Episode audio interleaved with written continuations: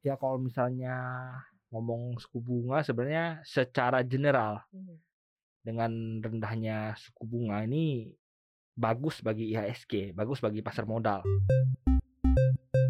Kita ngomong yang diuntungkan dulu ya, yang Hmm. diuntungkan ya bank pasti diuntungkan Oke. kan. Dengan rendahnya suku bunga ini ya nggak perlu bayar bunga gede-gede. Mm. Yang diuntungkan lagi salah satunya properti. Ya sebenarnya ketika nanti BI naikin ya lalu market jiper lalu longsor, lu kesempatan buat koreksi apalagi buat saham-saham saham-saham perbankan. Paham Pantauan Saham. Makin paham makin cuan. Hai Sobat Cuan, selamat datang di podcast Cuap-Cuap Cuan Hari ini seperti biasa ada Putra, berarti ada pantauan saham Paham, makin paham makin Cuan. Yes, bareng mereka Katarina dan juga buat Triputra tim set CNBC Indonesia. Wow, oke. Eh, Kita bahas satu yang paling jadi headline. Dari Tapi sebenarnya udah sering dibahas juga sih. Maksudnya kayak kalau kalau ngobrol-ngobrol di diskusi di TV em, sama analis lah, sama tim riset lah gitu ya Udah sering dibahas misalnya tentang Hmm. mau ke mana sih arah suku bunga Terus nih akan saham-saham akan seperti apa. Nah sekarang nih kita ngambil ke poin di mana Bank Indonesia tetap dengan stance kebijakannya belum naikin suku bunga nih nasib Hmm. suku bunga tapi se- sementara di seluruh belahan dunia udah naikin suku bunga Belahan dunia barat. belahan dunia Belahan barat dari ya eh, timur belum. belum ya eh bukannya udah Banyak yang masih belum. tapi teman-teman sekitarnya Indonesia udah kali Lebih banyak yang belum kalau misalnya timur. kita ambil yang timur banyakan yang belum ya geng barat emang barat udah dan semua. naik-naik. nah ini sekarang nasibnya gimana ke bursa saham kita ke indeks harga saham gabungan dan ke saham-sahamnya ya kalau misalnya ngomong suku bunga sebenarnya secara general Mhm. dengan rendahnya suku bunga ini bagus bagi IHSG, bagus bagi pasar modal. masa bagus Iya, dengan rendahnya suku bunga, harusnya jadi bagus ya iya jadi bagus. Hmm. Contohnya apa namanya misalnya suku bunga tingginya minta ampun lah 20-30 persen. Siapa yang mau investasi saham? Betul. Mending taruh aja suku bunga aman, Mm-mm. ya gitu. Jadi dengan rendahnya Artinya sebenarnya taruh aja di tabungan iya iya males benar. gitu kan iya. kalau misal suku bunganya tinggi Iya, jadi ketika suku bunga dinaik naik naik naik naikin ini valuasi menjadi kurang menarik valuasi saham ya. Mhm. Misalnya katakan biasanya rule of thumb itu misalnya suku bunga 5%, Mhm. PI itu wajarnya di angka 20, berarti kan. 20 kali ya Iya, 20 kali gitu. Karena dalam waktu sekarang kan 20 tahun berarti 3,5 yieldnya persen 5%. berarti 17 kalian gitu ya Di, di atas apa ya ya sekitar segitulah. Mhm, mhm. Nah, jadi apa namanya dengan rendah suku bunga ini sebenarnya good thing bagi pasar modal. Nah, nanti kan rencananya rumornya bulan depan ya mau dinaikin. oh Bulan di kuartal 3 ini Mulai- rumornya dinaikin satu kali Oh, rumornya. 25 bips ya kayaknya ya Iya, 0,5 atau 25 lah. oke 25 terlalu kecil ya 0,5 kayaknya. masa sih langsung Gua nggak tahu.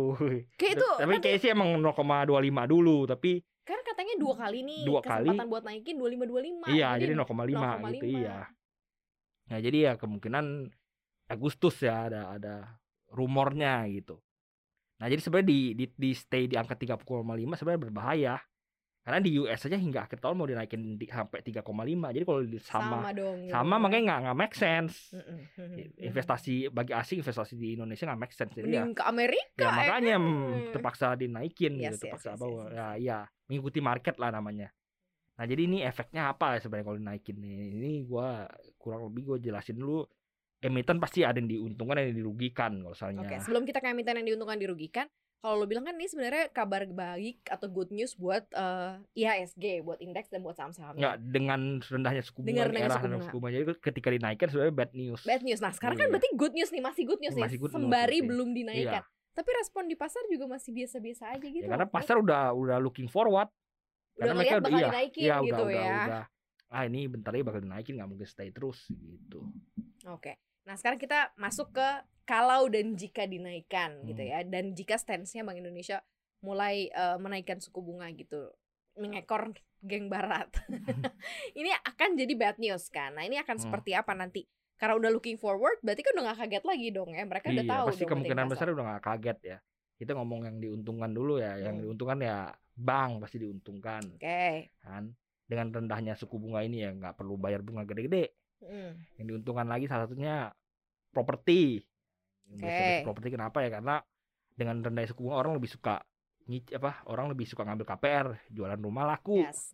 Mhm. gitu Ya, jadi kebalikannya ketika suku bunga nanti naik ya impactnya ke properti dan perbankan Mhm. nah Mhm. perbankan ini sebenarnya ada beberapa ada beberapa itu ada dua gitu contohnya Mhm. kalau saya lu ke kan ini kan impactnya kan ke pemberian bunga ya Mhm. jadi sebenarnya impactnya ke bank-bank yang dengan casa besar casa itu dana murah itu kecil Mhm. ya salah satu bank dengan casa besar ya lu tau lah Ya, BBCA BBCA.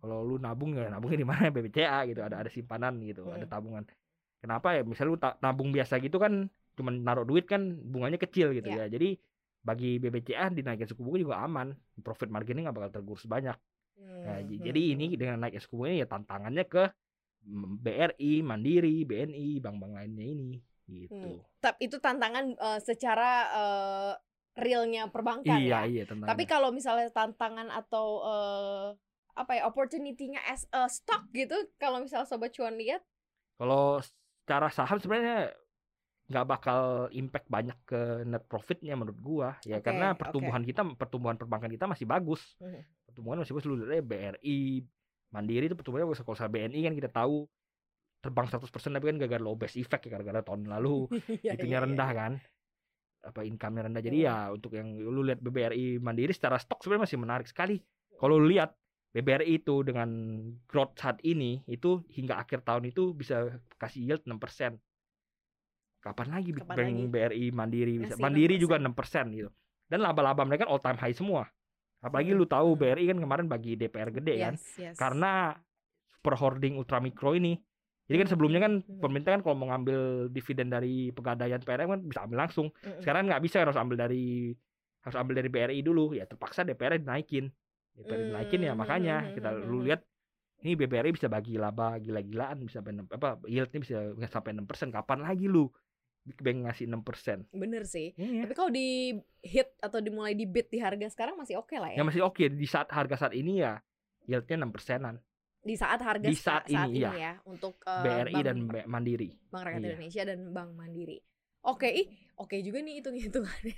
Mudah-mudahan lo juga ada bayangan ya. Oke, itu banking ya. Terus kalau eh, ini banking yang gede-gede nih. Nah, Hmm. kan banyak juga banking yang digibank, Hmm. yang kecil-kecil nih. Menurut lo akan seperti apa view-nya? Jadi di Gbank sih ya kalau kayak kayak misalnya yang yang di Gbank yang emang udah jalan kan emang, emang mereka kasih bunga gede. Hmm. emang udah di atas itu ya udah hanya ya going so-so saja. Nah kan kalau misalnya untuk yang di Bank mau jadi di Bank sebenarnya memang masih belum waktunya manggung. Q4 Gitu. biasanya iya kalau menurut gue ya Q4 kenapa karena orang Indonesia doyannya mepet-mepet. Itu yang kayak gimana sih karakteristiknya menurut lo yang akan cukup bisa eh, perform manggung-manggung walaupun di akhir-akhir penghujung? Ya yang belum ada investornya. Yang ya, yang udah ada investornya atau ya kalau saya pengen judi-judi dan quote on quote ya yang belum ada investor kayak, kayak yang udah ada investornya kayak BNBA kan udah ada Ajaib, Iya, iya, Amar iya, udah ada iya. Investri ya itu kan menunggu aksi korporasi ya setunjuknya ya. ya. Alo kan udah jadi digital digital, iya, ya, iya. udah udah mainnya sama Arto gitu ini Mhm. kan yang masih mau jadi digital gitu yang harganya belum terbang seperti Alo sama Arto ya BNBA kan nunggu rek isu lagi ya B- Amar sama Mhm. Ya, BNBA kan ya, udah, ya, udah ya. ketemu pacarnya lah Udah ketemu lah ya. nunggu rek isunya oke. tinggal nunggu kawinnya berarti Udah tunggu tuna- tunangannya Iya, dulu ya, belum iya. kawin ya. udah tunangan Udah berarti tunangan kan. ya, oke. Nunggu kawin selesaiin semua baru going digital atau whatever yang mereka mau yang belum kan kayak BGTG tuh belum BGTG, ketemu ya, baca tuh belum baca. ketemu ya Iya bener bener Kalau- bener bener. kalau ingin berjudi ya Berjudi sana. dalam tanda kutip tapi ya. kemungkinan sih emang investor males ngambil sana investor gede misal kayak ada investor lain mereka most Kurang likely menarik ya, iya, kurang kurang- menarik mereka ngapain mereka ngambil TBK mereka bisa ngambil yang non TBK makanya sekarang yang kayak jasa Jakarta lah apa bank-bank bank-bank kecil lainnya itu yang Mhm. banyak diambil malah daripada yang TBK Oke Gitu. oke oke. sebenarnya ada keuntungan yang ngambil TBK satu kemungkinan besar lebih bersih. Karena kan ada ada lebih banyak mata yang mengawasi ya. juga. selain OJK mengawasi ada publik mengawasi bursa mengawasi Mm, mata-mata lebih banyak ya. Lebih lebih lebih bersih daripada Mm, kalau ngambil yang non TBK ya gitu Oke, itu perbankan ya. Tadi udah di-mention satu banking, satu properti. Nah, ini Hmm. nih. Menarik sebenarnya kalau misalnya kita bicara soal masalah properti, akan seperti apa gitu hype-nya? Kalau kalau suku bunga jelas lah ya, karena kan orang bakalan lebih banyak eh, memilih mungkin untuk punya hunian, ngambil KPR Hmm. karena dari sisi suku bunganya. Tapi kalau dari performance stoknya kayak dari saham-saham emiten properti nih kayak gimana? Properti kayak cycle-nya masih belum ke sana ya. Belum kan? Hampir ke sana cycle-nya. Kan Mungkin secara real life aja kali ya kalau di stock market kayaknya. Iya, kalau di, kalau di stock market cycle-nya belum sana. Biasanya kan cycle-nya kan- eh di di realnya justru di sektornya belum. Real Hmm. sektornya masih belum. Masih Sektor belum Ya, biasanya kan akan bergeliat. Maksudnya nggak belum seperti 2 3 tahun Iya, lalu benar. gitu ya. Jadi kosalnya sektornya properti kan biasanya sebel- setelah ko- komoditi boom. Komoditi boom orang banyak duit beli properti. Yes, Nah, yes, sekarang baru level komoditi boom orang banyak duit ya level apa masih di cycle-nya masih di komoditi. Bent- mungkin bentar lagi, mungkin tahun depan atau satu setengah tahun lagi baru cycle-nya pindah ke properti gitu. Tapi Jadi se- sekarang opportunity yang bisa dilihat dari saham-saham based on property apa? ya kalau sel lu mau ngumpulin dari sekarang kan harganya banyak yang masih murah tuh ya masih masih pro- masih itu masih menarik saham saham properti PBV satu tuh murah loh Iya, cuma Karena- maksudnya ketika lo ambil di situ eh, kemungkinan besar akan eh, hype tinggi itu gede nggak sih? Gitu. ya tunggu cycle-nya tahun satu satu satu, satu, satu setengah tahun lagi Kayak, menurut gue satu karakter saham-saham yang susah ditebak tuh itu iya saham iya, properti saham- gitu saham- karena ya sekarang kalau yang based on mall lo harus lihat juga recurring income-nya oke Iya. atau enggak itu juga kalaupun oke misalnya balik pasca pandemi pun juga enggak bener-bener langsung bisa bikin bagus kinerja iya gitu makanya kan biasanya penjualan penjualan rumahnya ya nunggu cycle ini gue bilang kemungkinan ketika cycle-nya ini udah mulai pindah Mhm. orang-orang udah banyak duit cuan-cuan dari komunitas orang-orang udah mulai beli-beli rumah properti manggung lagi gitu. Jadilah investasi baru lo orang berpikir Iya, gitu ya iya. untuk invest di properti. Iya. Tapi belum masih selesai. belum cycle-nya gitu. Nunggu dulu. Mungkin karena manfaatin masalah suku bunga ini juga kali ya Iya. maksudnya. nah sekarang tipsnya deh buat uh, sobat cuan nih memanfaatkan momentum momentum ini. Kan masih bukan tebak-tebakan ya masih mengira-ngira mungkin masih jadi konsensus juga uh, stand-nya BI akan berubah untuk naikin suku bunga entah mungkin di bulan depan kita nggak tahu juga nih Hmm. tiba-tiba nanti berubah lagi jadi bulan September atau bulan Oktober gitu ya atau mepet-mepet November Desember dinaikin dang-dang dua kali ya we don't know gitu ya ini kayak gimana nih Put? ya sebenarnya ketika nanti BI naikin ya lalu market jiper lalu longsor lu Hmm. kesempatan buat koreksi apalagi buat saham-saham saham-saham perbankan karena ya seperti gue tadi keuntungan dari growth ini dibandingkan dengan rugi apa namanya ke, ke- kesusahan yang Mhm. ditimbulkan dari kenaikan suku bunga itu nggak sebanding ya kesusahan paling motong berapa persen sih margin tapi growthnya kan lagi gede-gedenya Iya betul. karena pertumbuhan betul. ekonomi mulai pulih bla Mm-mm. bla bla ini kan semua banking all time high jadi nanti kalau market jiper ketika suku bunga naik ya udah lu tadahin aja Iya, iya, apa iya. misalnya kayak Tadahinnya BBCA sekarang dong berarti. ya dari sekarang juga bisa tapi nanti misalnya bulan depan Agustus atau September itu dinaikin suku Hmm, bunga lalu hmm. market jiper sampai longsor ya kesempatan lu nadah lagi apa kayak BBCA tadi gue bilang BBCA kan sekarang YTD-nya yang hijaunya persennya nggak banyak ya. Nanti Ya. misalnya market kan tadi gue udah bilang BBCA itu aman. Kenapa? Karena ta- tasanya gede. Jadi Hmm, impactnya hmm. terhadap kenaikan suku bunga, impactnya terhadap net profit kecil gitu. Jadi ketika nanti market jiper misalnya lu lihat oh gara-gara suku bunga naik YTD-nya BBCA merah ambil aja.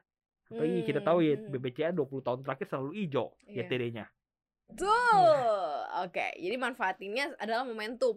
Momentum saat ini gitu ya, walaupun memang ya sepi-sepi gimana gitu nggak berge- nggak bergairah gitu ya mungkin ya situasionalnya.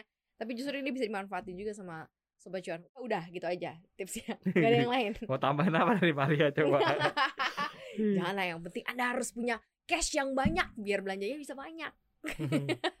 gitu aja ya Sobat Cuan Thank you banget udah dengerin Paham hari ini Jangan lupa untuk selalu dengerin podcast kita lainnya Di Apple Podcast, Google Podcast, Spotify, dan juga Anchor Follow akun Instagram kita di cuan Dan subscribe YouTube channel kita juga di cuap cuap cuan. Like, share, komen yang manis-manis Sobat Cuan. Thank you banget ya udah dengerin kita.